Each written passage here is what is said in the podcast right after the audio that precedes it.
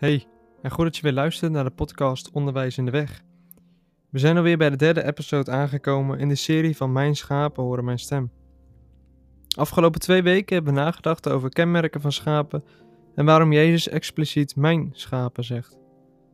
Vandaag kijken we naar het volgende stukje in de tekst, namelijk Mijn schapen horen mijn stem. Laten we eerst stilstaan bij het horen naar die stem. De stem van Christus, de stem van de goede herder. En laten we gelijk opmerken dat het hier niet gaat om een oppervlakkig horen van een stem.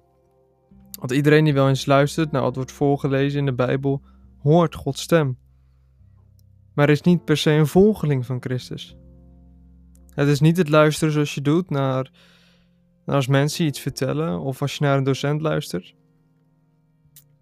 Nee, het is niet het luisteren naar iets wat je vervolgens naast je neerlegt. Ook in de Bijbel komen die voorbeelden tegen. Denk alleen nou aan al de mensen die naar Jezus luisterden in de tijd van zijn rondwandeling op aarde en vervolgens riepen: kruisigt hem. Maar ook aan de mensen die ijverig Gods woord onderzochten. Denk aan de schriftgeleerden en de fariseeën. En die luisterden niet echt naar Jezus' stem.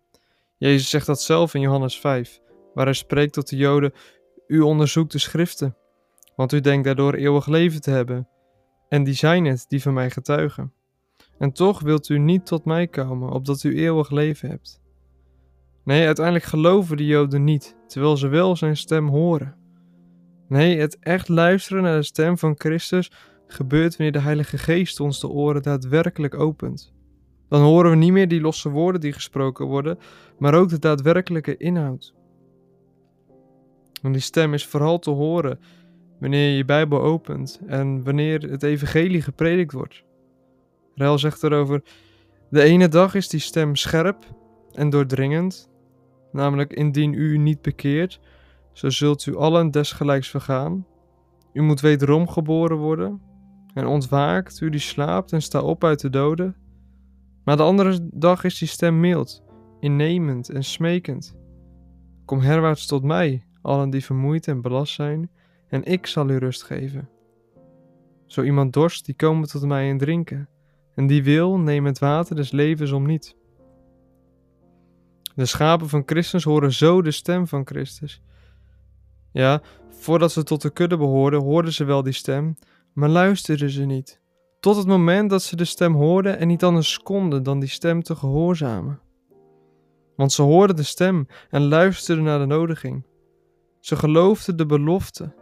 Ja, ze zagen zichzelf als zondaars, maar vonden verzoening in Christus.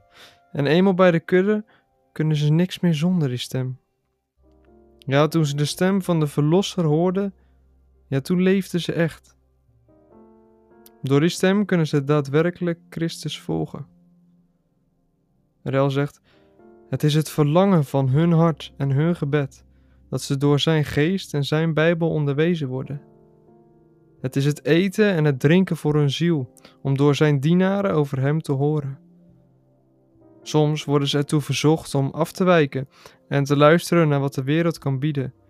Maar spoedig gaan ze terug om te zitten aan de voeten van Jezus en om zijn stem te horen. De wereld kan niet inzien dat de stem van Christus zo'n blij en vreugdevol geluid is. Herken jij wat Rel hier zegt? Of moet je eerlijk bekennen dat die stem je eigenlijk vaak ergert? Erger je je als iemand begint over zondaars en bekering, over geloven en verloren gaan? Ja, erger je dan eigenlijk niet ten diepste aan Christus? En toch staat Jezus daar nog steeds en roept Hij, zodat zijn kudde mag groeien. Hij roept je om gewassen te worden met het bloed van het lam dat gestorven is op Gogota en is opgestaan om de dood te overwinnen.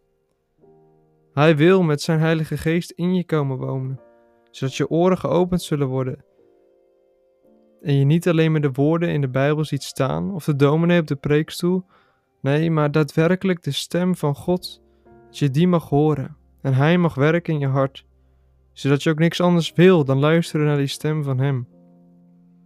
Ja, het is iets wonderlijks als je het mag opmerken dat God zelf tot je spreekt. Als de Heilige Geest je oren opent en je opmerkt dat God zelf je uitnodigt om tot Hem te komen. als God zelf je roept om bij de kudde te komen. Spurgeon zegt daarover het volgende. En daarom moet u Gods woord ontvangen en aannemen. Als zijn vorstelijke macht over u komt, en daar hij machtig is om u te behouden, legt hij zaligmakende kracht in het woord. Dan hoort u Christus stem als een gebod, waaraan gehoorzaam moet worden, als een roepstem waarop acht dient geslagen te worden en waarop ten spoedigste antwoord gegeven moet worden. En als je iets van die stem gehoord hebt, dan kun je niet meer zonder die stem. Rel zegt zelfs: dan luister je dag aan dag toegewijd naar het onderwijs van de herder. Geen muziek is zo lieflijk als de stem van Jezus. Of er nu gepreekt of geschreven wordt, er is niet wat ze zo lief hebben als dit. Het lijkt wel alsof het woord voor hun persoonlijke situatie wordt gesproken, en ze kunnen, durven en willen het niet voor de hele wereld onopgemerkt laten blijven.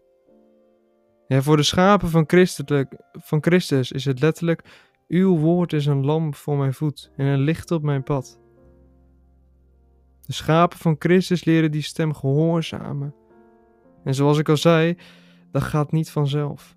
Vaak zullen ze terugvallen en luisteren naar andere stemmen. En kijken ze weer naar wat de wereld ze te bieden heeft.